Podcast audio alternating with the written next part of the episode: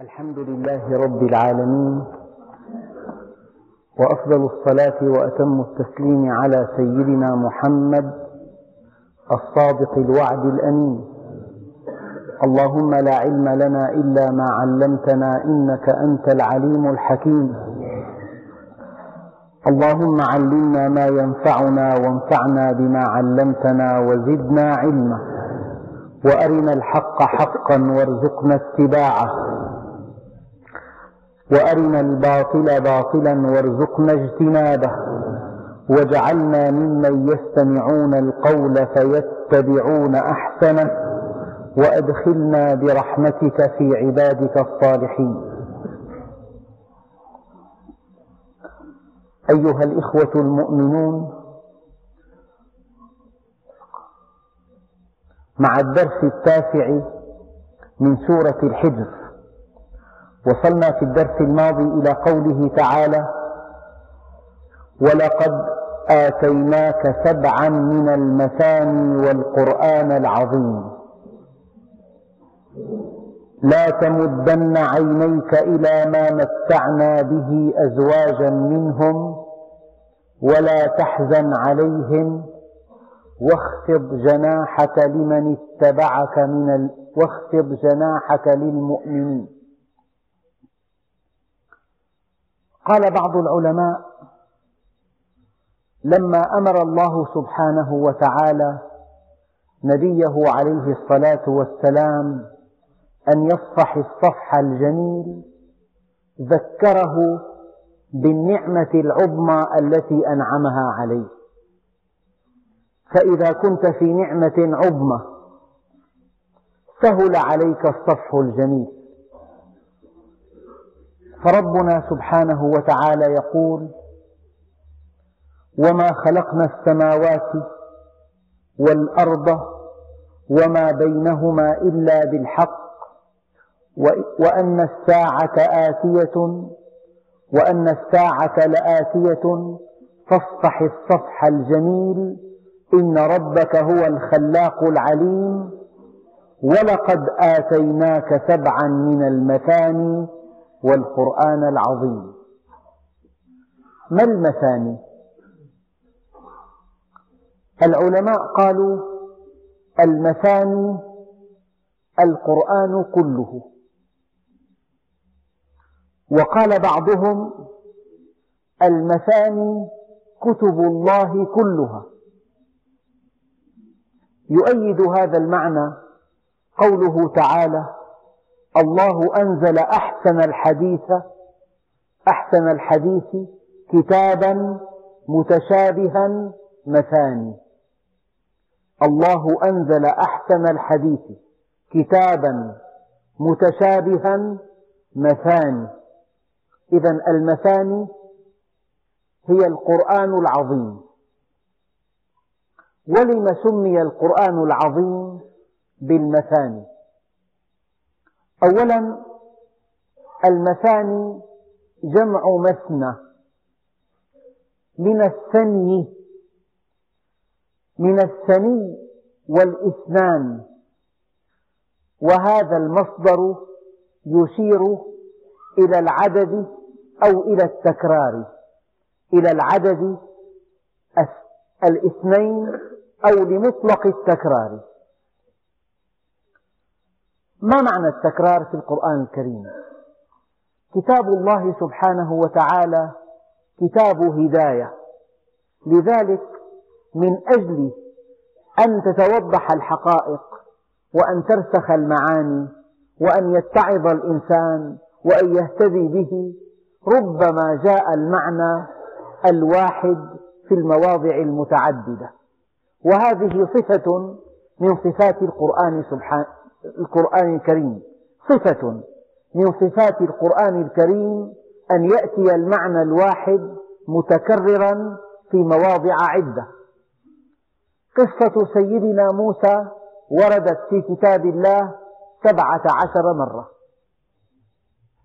معان عديدة وردت في أماكن متعددة.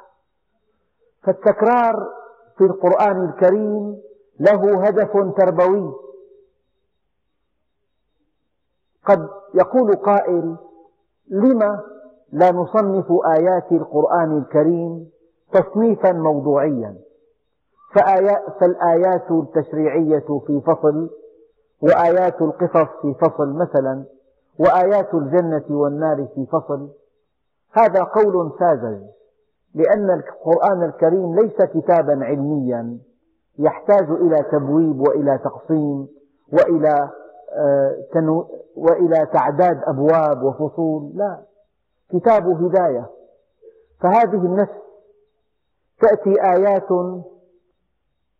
تصف لها عظائم خلق الله سبحانه وتعالى.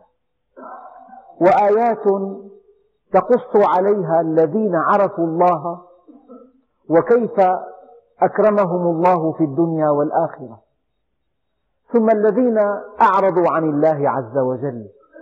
ثم طريق الإيمان إلى الله عز وجل. فهناك حركة نفسية. هناك تموج نفسي.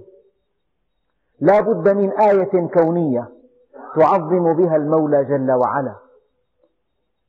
ولا بد من قصة تجسد لك هذه القيم. ولا بد من تحذير يبين لك مغبة الانحراف عن كتاب الله. فالقرآن الكريم فيه تنويع آيات كونية مشاهد من يوم القيامة قصص وعبر أمثال تشريعات قوانين مبادئ. فالذي يقول ليت القرآن الكريم قد بوب أو جمعت موضوعاته بحسب أنواعها. هذا كتاب هداية.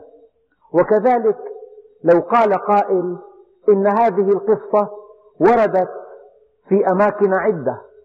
أولا وردت في أماكن عدة كي تفعل هذه الأماكن العدة فعلها في نفس القارئ فترسخ المعاني وتثبت القيم. وثانيا من أدراك أن هذه القصة في كل مرة وردت في كتاب الله عرضت من زاوية خاصة؟ ولو ذهبت لتوازن بين طريقة عرض القصة في كل موضع لأخذك العجب العجيب. فالقرآن الكريم سماه الله سبحانه وتعالى مثاني من التثنية أو التكرار والتكرار له هدف تربوي. شيء آخر أي كتاب يؤلف لا بد من أن يندثر أو أن ينقطع أو أن يهمل لكن هذا الكتاب القرآن الكريم فيه صفة الاستمرار والتجدد. ومعنى الاستمرار والتجدد مما توحي به كلمة المثاني. يعني يتكرر يتجدد. كلما زدته فكرا زادك معنى لا يبلى على كثرة الترداد. كلما قرأته رأيته جديدا. كلما رأيت قرأته عرفت منه معاني لم تكن تعرفها من قبل. وهذه صفة ثابتة في كتاب الله سبحانه وتعالى. آياته لا تندرس ولا تنقطع ولا تنسى ولا تلغى ولا تعطل. كلام مستمر متجدد. كلما قرأته رأيته جديدا. أي شيء آخر؟ اقرأه مرات عديدة. تمل منه. تسأم منه تضجر منه. أي كتاب أعجبك لمؤلف من بني البشر؟ اقرأه مرتين تحس أنك قد أشبعت منه. اقرأه ثلاثا تضجر منه. أما كتاب الله لو تلوت آياته آناء الليل وأطراف النهار. طوال حياتك لا تمل منها لأنه مثاني. كلما زدته قراءة زادك معنى. كلما أعدته انكشفت لك معاني لم تكن تعرفها من قبل. إنه متجدد إنه مستمر لا ينقطع لا يتعطل لا يلغى لا يندرس لا يمحى لا ينسى لا يهمل. شيء آخر قال بعض العلماء من معاني المثاني أنه يتجدد حالا بعد حال. كلما جد ظرف جديد مشكلة جديدة موضوع خاص رأيت آية في كتاب الله تغطي هذه الحالة. كلما سمعت خبرا أو ألمت بك ملمة أو ظهر حدث في العالم تجد أن في القرآن الكريم ما يغطي هذا الحدث. إنه يغطي كل جديد والخيل والبغال والحميرة لتركبوها وزينة. الآن في طائرات الآن في سفن ضخمة جدا الآن في قطارات سريعة جدا في مركبات فخمة. قال ويخلق ما لا تعلمون. والخيل والبغال والحميرة لتركبوها وزينة ويخلق ما لا تعلمون. هو متجدد كلما زدته فكرا زادك معنى ويغطي كل جديد. لا الشمس ينبغي لها أن تدرك القمر ولا الليل سابق النهار وكل في فلك يسبحون. قال بعض العلماء هذا وصف لنظام ينتظم الكون كله بدءا من الذرة وانتهاء بالمجرة وكل في فلك يسبحون. اكتشف العلماء أن في الفضاء طبقة تعيد الأمواج الكهرطيسية إلى الأرض. قال تعالى والسماء ذات الرجع.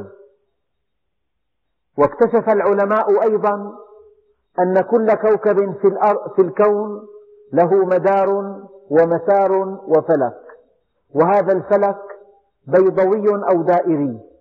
إذا في حركته لا بد من أن يرجع إلى مكانه الأول وهذه صفة تنتظم الأجرام السماوية كلها. قال تعالى والسماء ذات الرجع. هو كلما زدته فكرا زادك معنى. لا تبلى جدته. لا يندرس لا يمحى لا ينسى. يغطي كل جديد. لذلك قال الإمام علي كرم الله وجهه في القرآن الكريم آيات لما تفسر بعد لما تفسر بعد. مع تقدم العلوم قد يكتشف العلم تفسيرا دقيقا لهذه الآية. إذا من معاني المثاني التكرار والتجدد والاستمرار والانتقال من حال إلى حال.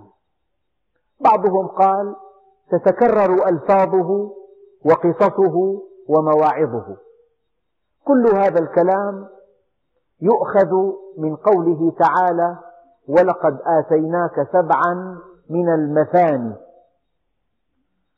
والمعنى الآخر للمثاني هو الثني والانثناء. يعني كل آية تنثني على أختها لتوضحها. فالقرآن يفسر بعضه بعضا. يوضح بعضه بعضا. يدعم بعضه بعضا. يبين بعضه بعضا. هذه خاصة في كتاب الله. مثلا وما خلقنا السماوات والأرض وما بينهما إلا بالحق. ما تعرف الحق؟ من آية أخرى وما خلقنا السماوات والأرض وما بينهما لاعبين. إذا الحق ضد اللعب. وما خلقنا السماوات والأرض وما بينهما باطلا. إذا الحق ضد الباطل. الباطل الشيء المؤقت. الطارئ الزائل الزاهق.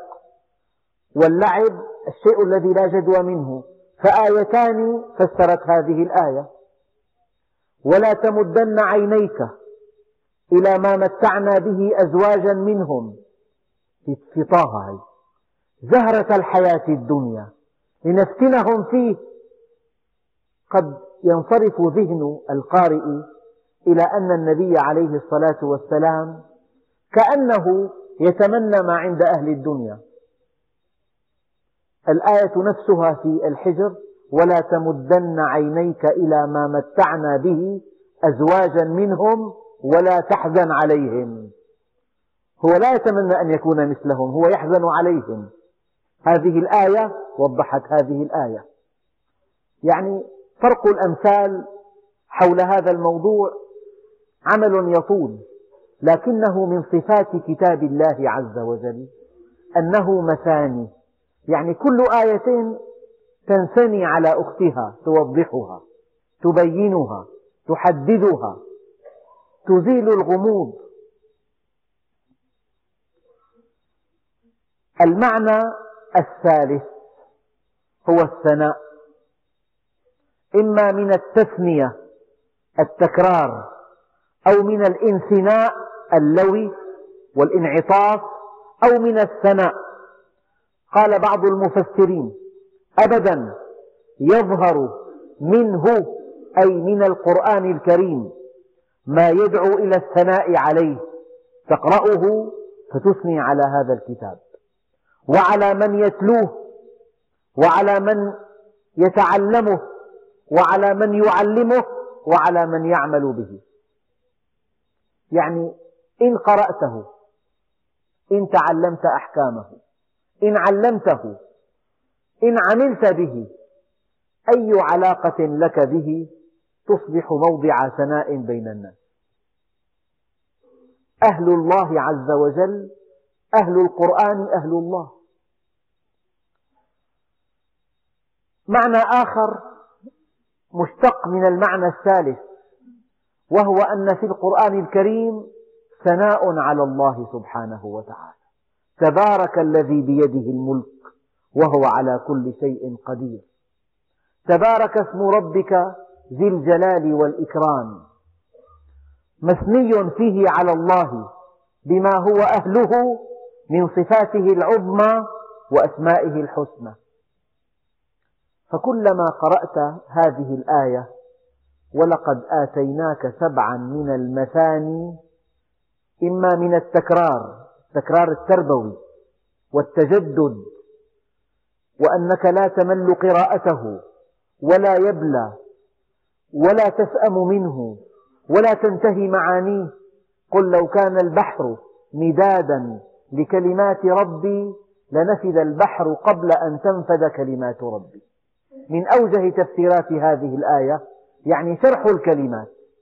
الكلمات محدودة في هذا الكتاب لكن شرح آيات الله لو أن البحر كله كان حبرا لشرح كلمات الله لنفد البحر قبل أن تنفد كلمات ربه. إذا مثاني لا تسأمه يتجدد تأتيك معان لم تكن تعرفها ويغطي كل جديد. هذا أول قسم. المعنى الثاني أن كل آية تنثني على أختها لتوضحها. وقد ضربت لكم بعض الأمثلة. والمعنى الثالث أن كل من قرأه أو جوده أو تلاه حق تلاوته أو علمه للناس أو تعلمه أو عمل به موضع ثناء من الله عز وجل ومن الخلق. أو أن الله سبحانه وتعالى أثنى به على نفسه. ولقد آتيناك سبعا من المثاني. الآن السبع من أوجه تفسيرات هذه الآية الفاتحة لأنها سبع آيات بما فيها البسملة. بسم الله الرحمن الرحيم. الحمد لله رب العالمين. الرحمن الرحيم. مالك يوم الدين. إياك نعبد وإياك نستعين. اهدنا الصراط المستقيم.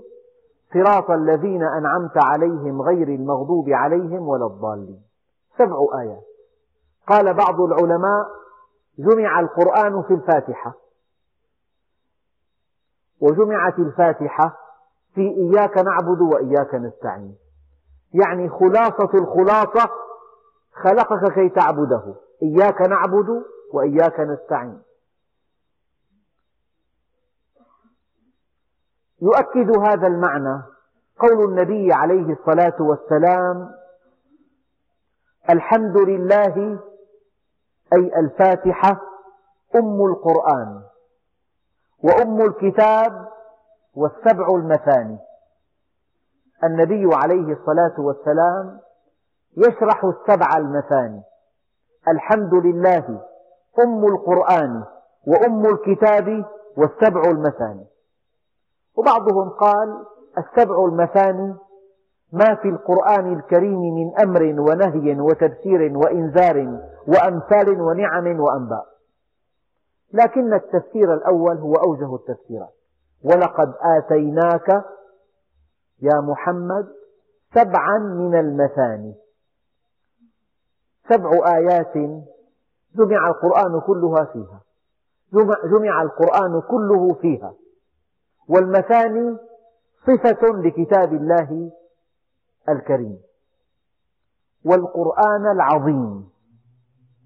والقرآن العظيم هذه الواو ليست لعطف المتغايرين بل لعطف الصفة على الموصوف. حافظوا على الصلوات والصلاة الوسطى. لعطف الصفة على الموصوف. ولقد آتيناك سبعا من المثاني وهذه المثاني هي القرآن العظيم والقرآن العظيم. عطف الصفة على الموصوف. لا تمدن عينيك إلى ما متعنا به أزواجا منهم ولا تحزن عليهم واخفض جناحك للمؤمنين وقل إني أنا النذير المبين. هذه في الحجر. أما في طه ولا تمدن عينيك إلى ما متعنا به أزواجا منهم ولا تحزن عليهم واخفض ولا تحزن عليهم وما ولا تمدن عينيك إلى ما متعنا به أزواجا منهم زهرة الحياة الدنيا لنفتنهم فيه ورزق ربك خير وأبقى.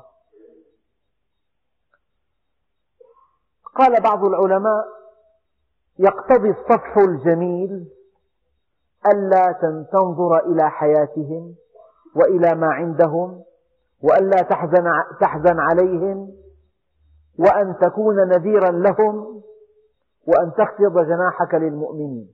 يعني في هذه الآية نهيان وأمران. وقد فسرت معنى الصفح الجميل. الصفح الجميل يقتضي ألا تمد عينيك إلى ما متعنا به أزواجا منهم ولا تحزن عليهم واخفض جناحك للمؤمنين وقل إني أنا النذير المبين. هذا بعض أقوال العلماء في تفسير هذه الآية. وقال بعضهم ولا تمدن عينيك. الإنسان يمد بصره. أما أن يمد عينه صورة غريبة صورة معبرة فيها خيال. لا تمدن عينيك. يعني تصور أن رجلا خرجت عينه من مكانها تتبع شيئا. هذا منتهى الاهتمام. ولا تمدن عينيك إلى ما متعنا به أزواجا منهم قال بعضهم هذا نهي عن أصل النظر لا عن بالإضافة إلى مد النظر. قال عليه الصلاة والسلام نهي عن أصل النظر مضافا إليه مد النظر وإطالته. يعني لو أن الإنسان إياك وفضول النظر قال عليه الصلاة والسلام فإنه يبذر الهوى. التأمل بما عند الناس من بيوت من مركبات من محلات من أماكن من آه، بيوت في أماكن جميلة من بساتين من حدائق. ولا تمدن عينيك إلى ما متعنا به أزواجا منهم. قال بعضهم عدم التعلق والرغبة بما في أيدي الكفار كالمال والشوكة أي القوة والسمعة أي الصيت. وفي الآية نهي الرجل أن يتمنى ما عند صاحبه. يعني ملخص الآية. الله عز وجل ينهانا نحن من خلال خطاب نبيه. ينهانا نحن من خلال خطابه لنبيه. وهذه الطريقة فيها مغزى. يعني لئلا تظن أنك متهم كان هذا النهي عن طريق النبي عليه الصلاة والسلام. كيف أن السيدة عائشة رضي الله عنها تكلم الناس بحقها وهي بريئة لتكون مثلا وأسوة وتطمينا وتسلية لكل امرأة تأتي بعد بعدها يتكلم عنها بالباطل وهي بريئة. كذلك أراد الله سبحانه وتعالى أن ينهانا عن أن يتمنى أحدنا ما عند صاحبه. يعني أنت أيها المؤمن بهذه الآية منهي أن تقول ليتني عندي مثل, مثل هذا البيت الذي لفلان. ليت لي مثل هذا المحل التجاري إنه جيد. ليت لي مثل هذه المركبة ليت لي مثل هذا البيت في المصيف. ليتني مثل هذا الرجل في صحته. في طوله في قوته في شوكته في سمعته في رفعته. نهي قاطع عن أن يتمنى أحدنا ما عند صاحبه. هذا هو الأدب. ليس في الإمكان أبدع مما كان.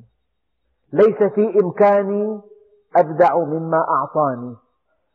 هذا الذي أقامك الله به هو عين الكمال بحقك.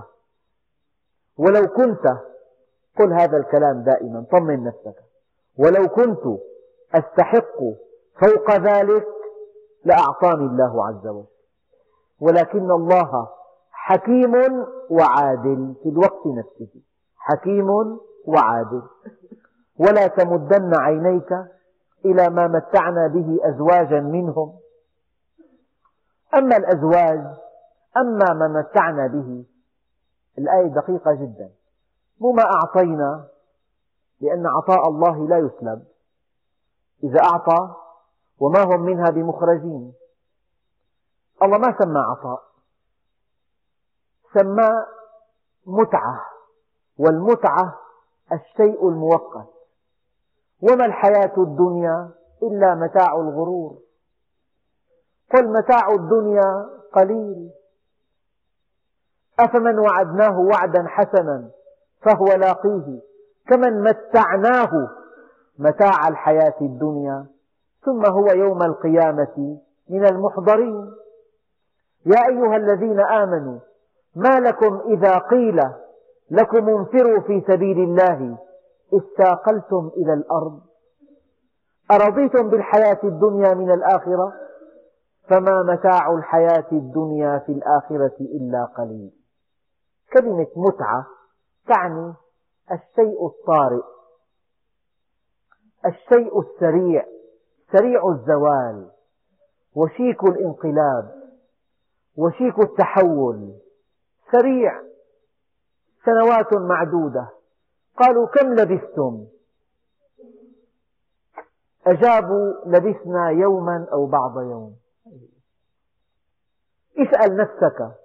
كيف أمضيت هذه السنوات الثلاثين؟ كيف؟ تقول والله ما تعب كيف مضى؟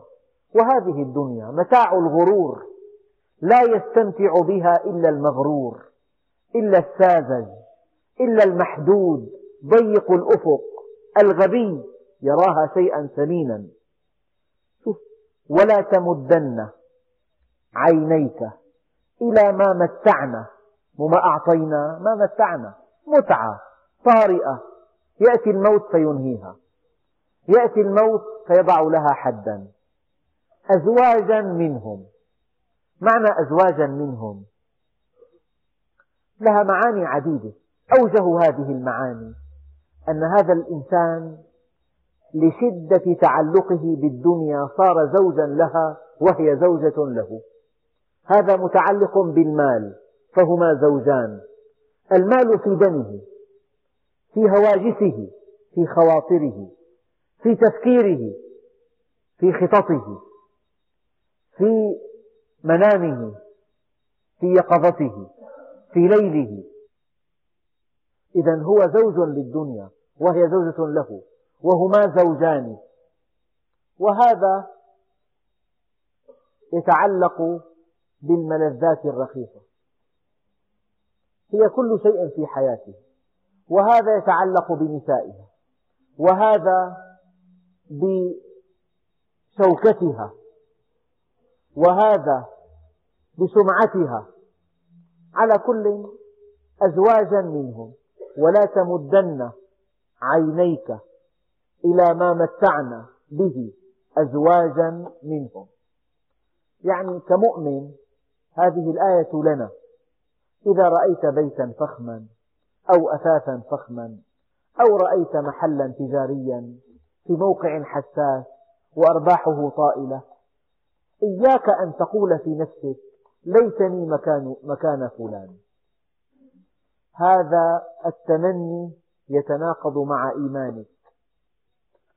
قال لما خرج قارون على قومه بزينته قال الذين يحبون الحياة الدنيا يا ليت لنا مثل ما أوتي قارون إنه لذو حظ عظيم.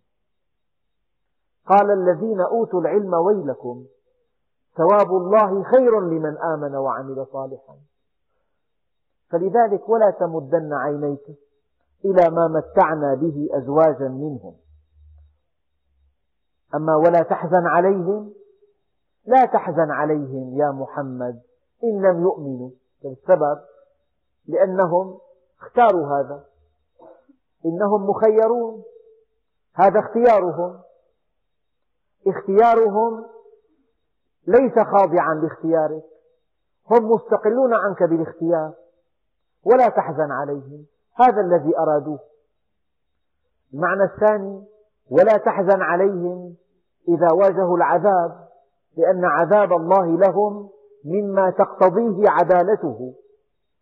يعني إذا قتل رجل رجلا ظلما وعدوانا وسيق إلى المحاكمة وحكم عليه بالإعدام وسيق إلى المشنقة. هل تحزن عليه؟ هذا مما تقتضيه العدالة. لا تحزن عليهم إن لم يؤمنوا ولا تحزن عليهم إن عذبهم الله عز وجل. فهذا العذاب مما تقتضيه عدالة الله سبحانه وتعالى.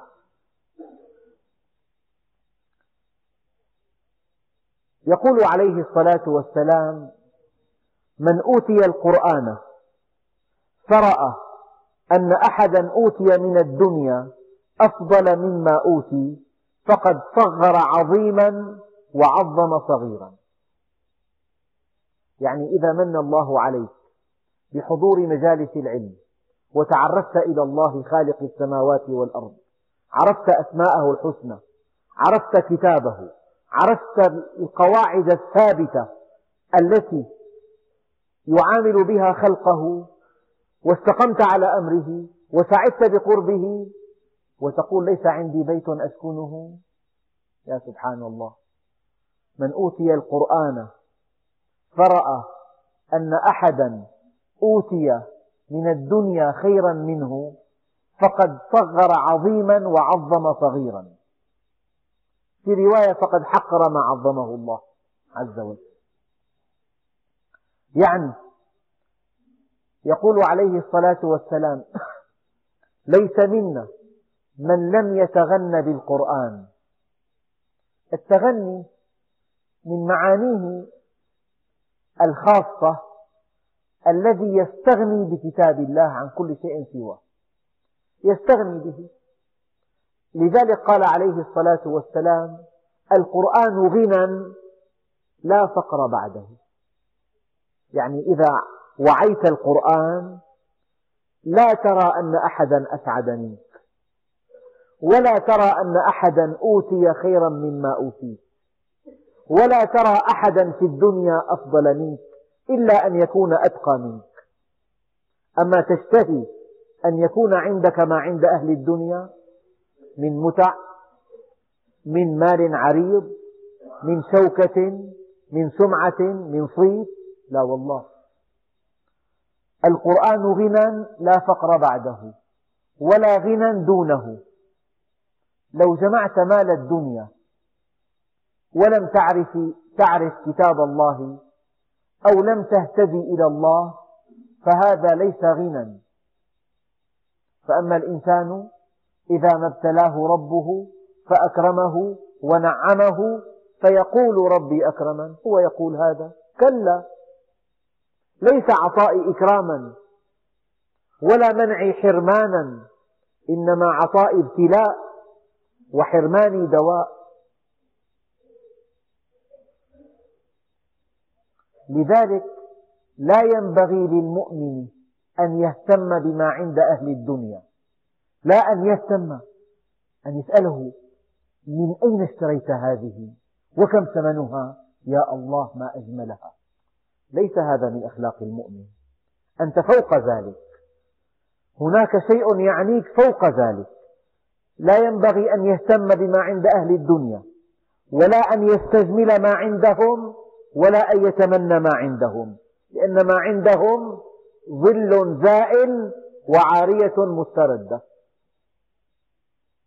ما دام هذا القلب يخفق فهذا البيت له.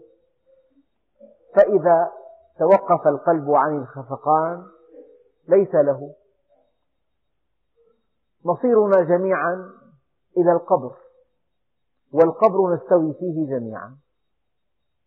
يعني أغنى الأغنياء يستوي في القبر مع أفقر الفقراء وأقوى الأقوياء مع أضعف الضعفاء وأصح الناس مع أشدهم مرضا. لا تطمح بزخارف الدنيا وعندك, وعندك معارف المولى. كلام الله تحفظه تفهمه تدرسه تطبقه تعمل به تعلمه وتقول ليس عندي هذا؟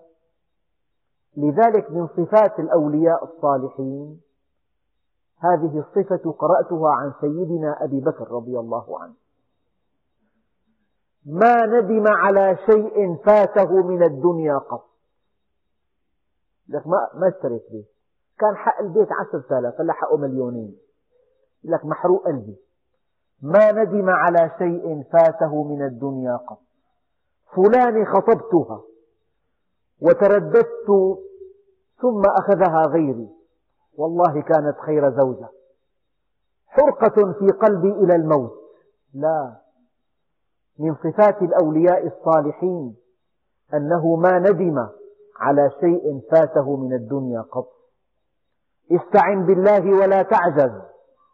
ولا تقل لو أني فعلت كذا وكذا. وقل قدر الله وما شاء فعل فإن كلمة لو تفتح عمل الشيطان. ليس في قاموس المؤمن كلمة لو أبدا. إن كلمة لو تفتح عمل الشيطان. لا تحزن عليهم يا محمد إن لم يؤمنوا فهم مخيرون. ليس عليك هداهم. لا تحزن عليهم إن عذبهم الله عز وجل. لأن هذا العذاب مما تقتضيه العدالة. إذا الله سبحانه وتعالى في هذه الآية نهانا عن أن نتمنى ما عند غيرنا من خلال نهي النبي عليه الصلاة والسلام تطيبا لخواطرنا.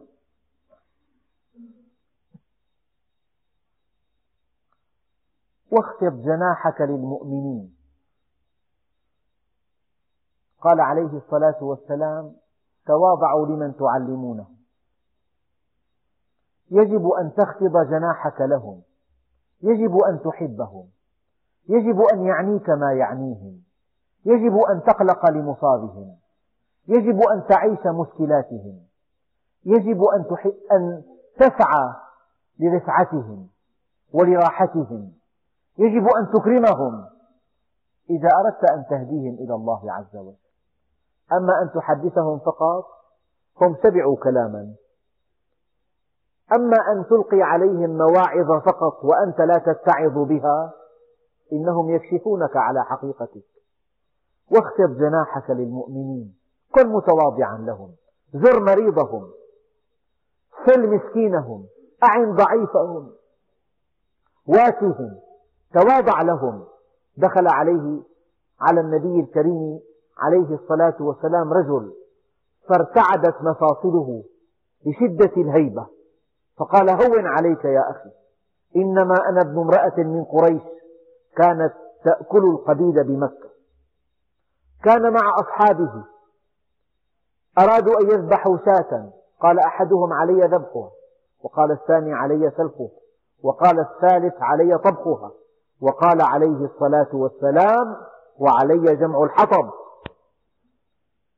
فقيل له يا رسول الله نكفيك ذلك؟ قال لا أعرف ذلك ولكن الله يكره أن يرى عبده متميزا على أحد من أقرانه. في معركة أحد أو بدر الرواحل قليلة أعطى أمرا النبي عليه الصلاة والسلام أعطى أمرا. أن يركب كل ثلاثة على راحلة. وقال وأنا وعلي وأبو لبابة على راحلة. لما جاء دوره في المشي توسلا إليه أن يبقى راكبا. قال لا ما أنتما بأقوى مني على السير أنا أمشي مثلكما. ولا أنتما بأغنى مني عن الأجر وأنا أتمنى أجر المشي. واخفض جناحك.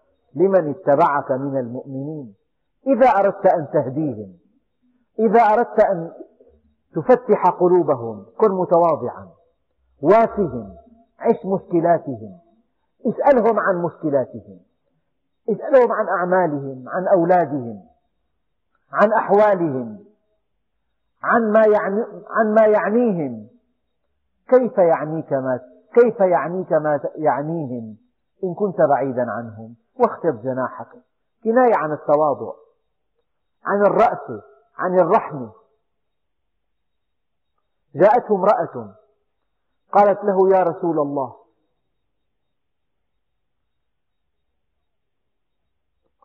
إنني امرأة لفلان تزوجني وأنا شابة وذا أهل ومال. وأنجبت له خمسة أولاد. فلما كبرت سني وتفرق أهلي وذهب مالي قال أنت علي كظهر أمي. ولي منه أولاد. إن تركتهم إليه ضاعوا وإن ضممتهم إلي جاعوا. فبكى النبي عليه الصلاة والسلام. مشكلة هي. يعني إذا ما بتحس بمشكلة إخوانك المؤمنين ما لك مؤمن. امرأة تشكو زوجها. كان النبي عليه الصلاة والسلام يستمع لها. استوقفته امرأة في الطريق فوقف معها طويلا يكلمها في حاجتها. واخفض جناحك للمؤمنين. ليس في الإسلام استعلاء ولا في الإسلام كبر. ولا انزواء ولا انعزال. الإسلام دين الفطرة دين المحبة دين المعاونة دين الوئام. وقل إني أنا النذير المبين. لأن الناس منحرفون عن طريق الحق. طبعا هنا لم يقل إني أنا البشير إني أنا النذير. لأن الانحراف يقتضيه الإنذار. كما أنزلنا على المقتسمين هؤلاء الذين أقسموا أن اتفقوا وأقسموا في اتفاقهم على أن يخالفوا الأنبياء. اجتمعوا واتفقوا على أن يطفئوا هذه الدعوة. في كل عصر في كل مصر في كل مكان في كل زمان. وكذلك جعلنا لكل نبي عدوا شياطين الإنس والجن. يوحي بعضهم إلى بعض. زخرف القول غرورا. المقتسمون الذين أقسموا فيما بينهم على أن يطفئوا دعوة الحق. في كل عصر. كما أنزلنا على المقتسمين الذين جعلوا القرآن عظيم. العظيم جمع مفرده عظة يعني قطعوه. قالوا هذا سحر. وهي أخبار مأخوذة عن بني إسرائيل. وهذا كهانة وهذا نقبله. وهذا نرفضه. هذا يعجبنا. هذا لا يعجبنا. هذا هذا آه، معقول. هذا غير معقول. هذا لا يتناسب مع هذا العصر. كل من يقبل منه شيئا ويرد شيئا. هو جعله عظيم. مثل الإنسان أخي أنا بدي بس الرأس تبعه بيموت. بدي بس الرأس. ما بدي الأعضاء. لما قطعت الرأس انتهى. في علاقة عضوية علاقة حيوية بين أجزائه. فهؤلاء المقتسمون الذين أقسموا أن يطفئوا نور الله عز وجل؟ أن يطفئوا هذه الدعوة؟ هؤلاء فرقوا هذا الكتاب.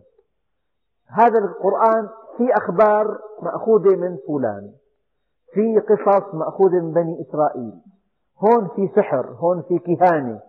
هؤلاء الذين جعلوا القرآن عظيم وقال بعضهم الذين آمنوا ببعضه وكفروا ببعضه الآخر هم الذين جعلوه عظيم. وقال بعضهم اليهود والنصارى قسموا كتبهم وحوروها وغيروها وبدلوها. وقال بعضهم العظة الكذب والبهتان الذين كذبوا به كليا. قالوا هذا ليس من كلام الله هذا كلام بشر هذا من اختراع محمد. محمد عبقري الذين جعلوا القرآن عظيم. إما أن يقبل منه شيئا هي معقول الآية هذه معقولة. ولكن هذه الآية غير منطقية بالله غير معقولة ليست تتمشى مع هذا الزمان. هؤلاء المقتسمون الذين أقسموا أن يطفئوا نور الله بأفواههم ويأبى الله إلا أن يتم نوره. هؤلاء أنفسهم جعلوا القرآن عظيم إما أنه جعلوه خرافة أو سحرا أو بهتانا وكذبا وإما أن فرقوا بين آياته قبلوا بعضها ورفضوا بعضها الآخر. فوربك لنسألنهم أجمعين عما كانوا يعملون. ولا يخفى عليكم أنه مما يقتضي يقتضيه السؤال الجزاء. سؤالا فقط؟ لا. سؤال مع الجزاء. فوربك لنسألنهم أجمعين عما كانوا يعملون. قال عليه الصلاة والسلام يقول الله عز وجل للرجل يوم القيامة ماذا غرك مني بي؟ ماذا عملت فيما علمت؟ ماذا أجبت المرسلين؟ الآن هناك تسريب لبعض الأسئلة. هناك أسئلة سوف نسأل عنها. ماذا أجبت المرسلين؟ ماذا عملت فيما علمت؟ ما الذي غرك بي؟ قلت الله لا يحاسبني. ما الذي جعلك تغتر بي؟ الشيطان أم الدنيا؟ لا تزول قدما عبد حتى يسأل عن أربع. عن عمره فيما أفناه وعن شبابه فيما أبلاه وعن ماله من أين اكتسبه وفيما أنفقه وعن علمه ماذا عمل به. لا بد من أن تسأل لم فعلت ولم لم تفعل؟ الشيء الذي فعلته لم فعلته؟ والذي لم تفعله لم لم تفعله؟ الله عز وجل لن يسألك هل فعلت هذا لأنه يعلم ما فعلت. هذا السؤال غير موجود. هل فعلت هذا؟ أما الإنسان أصحيح ما ادعى هذا الفزاري الجريح سيدنا عمر؟ الإنسان يسأل أفعلت هذا أم لم تفعل؟ لكن الله عز وجل يعلم ما نفعل. سؤاله فقط لم فعلت هذا؟ لم لم تفعله؟ قال إن المرأة يسأل يوم القيامة عن جميع سعيه حتى عن كحل عينيه. من اشتريتها هي؟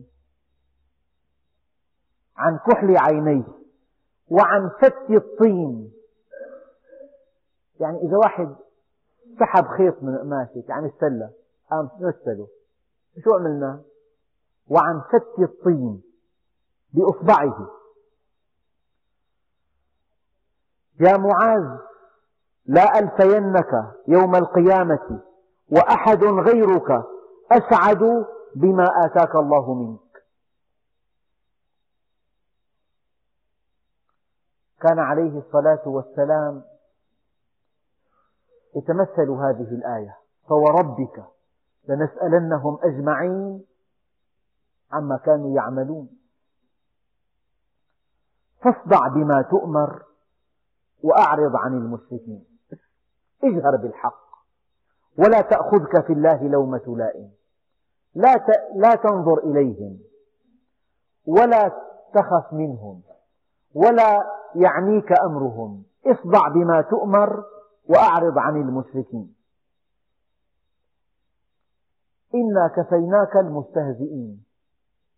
هذا الذي يستهزئ بدين الله عز وجل لا بد من أن يقسمه الله عز وجل. وهذا في كل زمان ومكان. يروى أن رجلا أراد أن يستهزئ بدين الله فسمى ابنه الله. في عهد النبي هذه وقعت. فنزلت عليه صاعقة أحرقته. وحده. إنا كفيناك المستهزئين. يعني إياك أيها العبد أن تكون في صف المستهزئين. لأن المستهزئ يقسمه الله عز وجل ويجعله عبرة لمن يعتبر. إنا كفيناك المستهزئين الذين يجعلون مع الله إلها آخر. يعبد بعضهم بعضا. يتخذ بعضهم بعضا أربابا من دون الله. يعزون النفع والضر إلى بعضهم. مع أن النافع هو الله والضار هو الله. طبعا يضر لينفع لك يضر لينفع ويمنع ليعطي ويخفض ليرفع ويذل ليعز. هو الضار النافع المعطي المانع الجامع الخافض الرافع الذي لا إله إلا هو. الذين يجعلون مع الله إلها آخر فسوف يعلمون ولقد نعلم أنك يضيق صدرك بما يقولون. إذا الإنسان جلس مع واحد منكر كافر فاجر بعيد واستمع حديثه سخيف اللي فيه اعتراض على الله عز وجل في استهزاء بالقيم الدينية وفي تعالي في تطاول بضيق زرعا به تضيق نفسه. ولقد نعلم أنك يضيق صدرك بما يقولون. فسبح بحمد ربك. كلما ضاق صدرك يا محمد سبح بحمد ربك.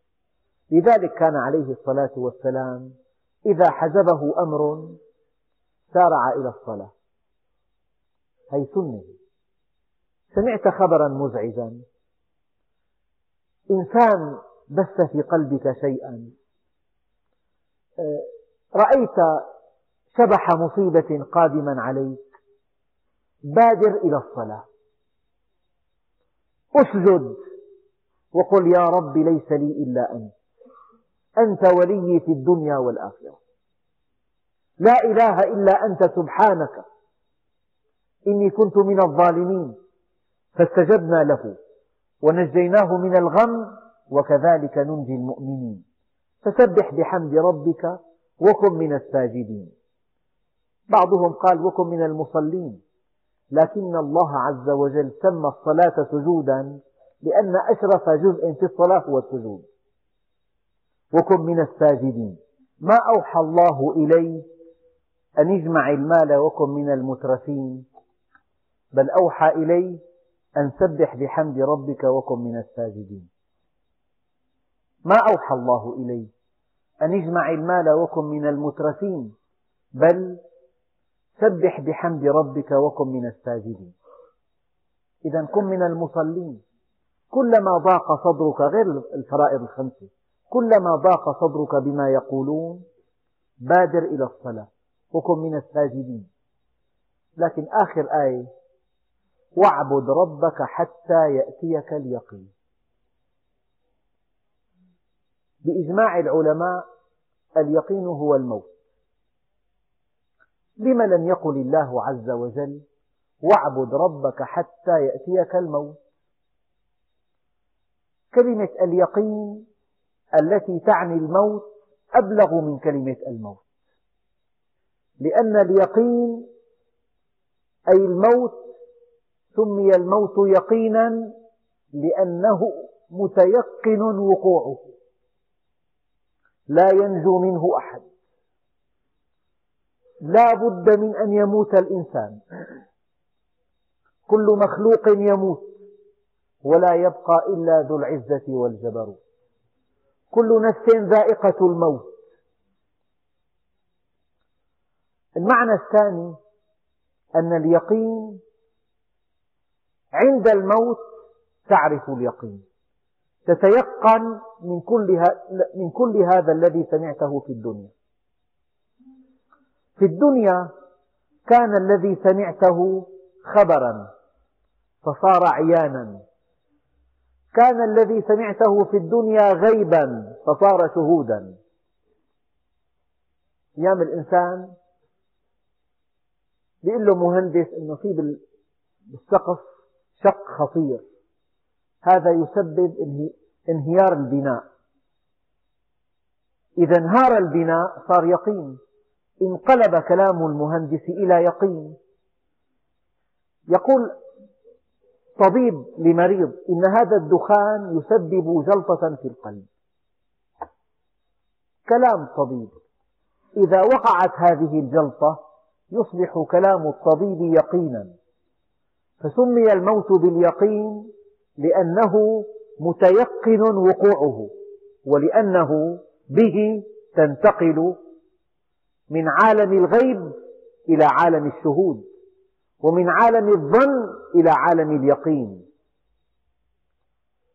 ألهاكم التكاثر حتى زرتم المقابر كلا سوف تعلمون. ثم كلا سوف تعلمون. كلا لو تعلمون علم اليقين لترون الجحيم. عند الموت فكشفنا عنك غطاءك فبصرك اليوم حديد. يا ليتني قدمت لحياتي فيومئذ لا يعذب عذابه أحد ولا يوثق وثاقه أحد.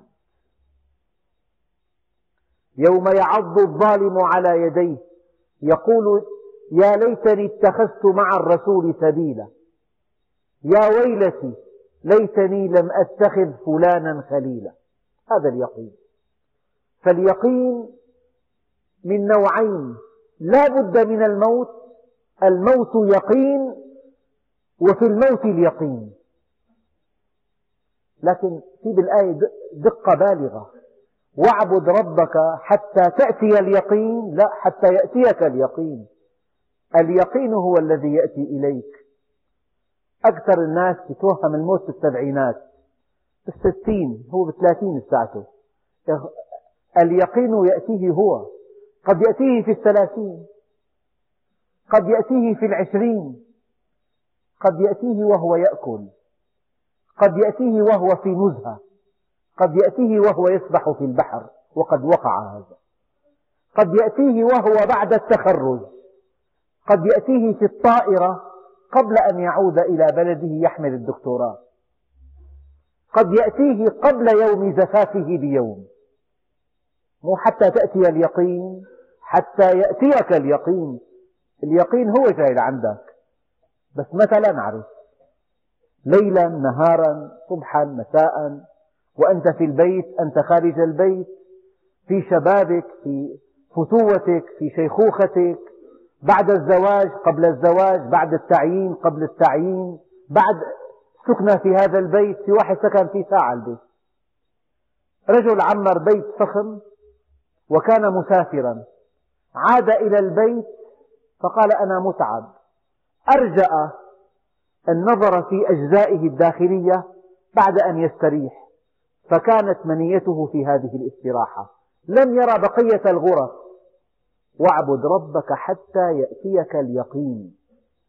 يعني إياك أن, إياك أن تظن أنك ذاهب إلى الموت في السبعينات. لا هو آت إليك.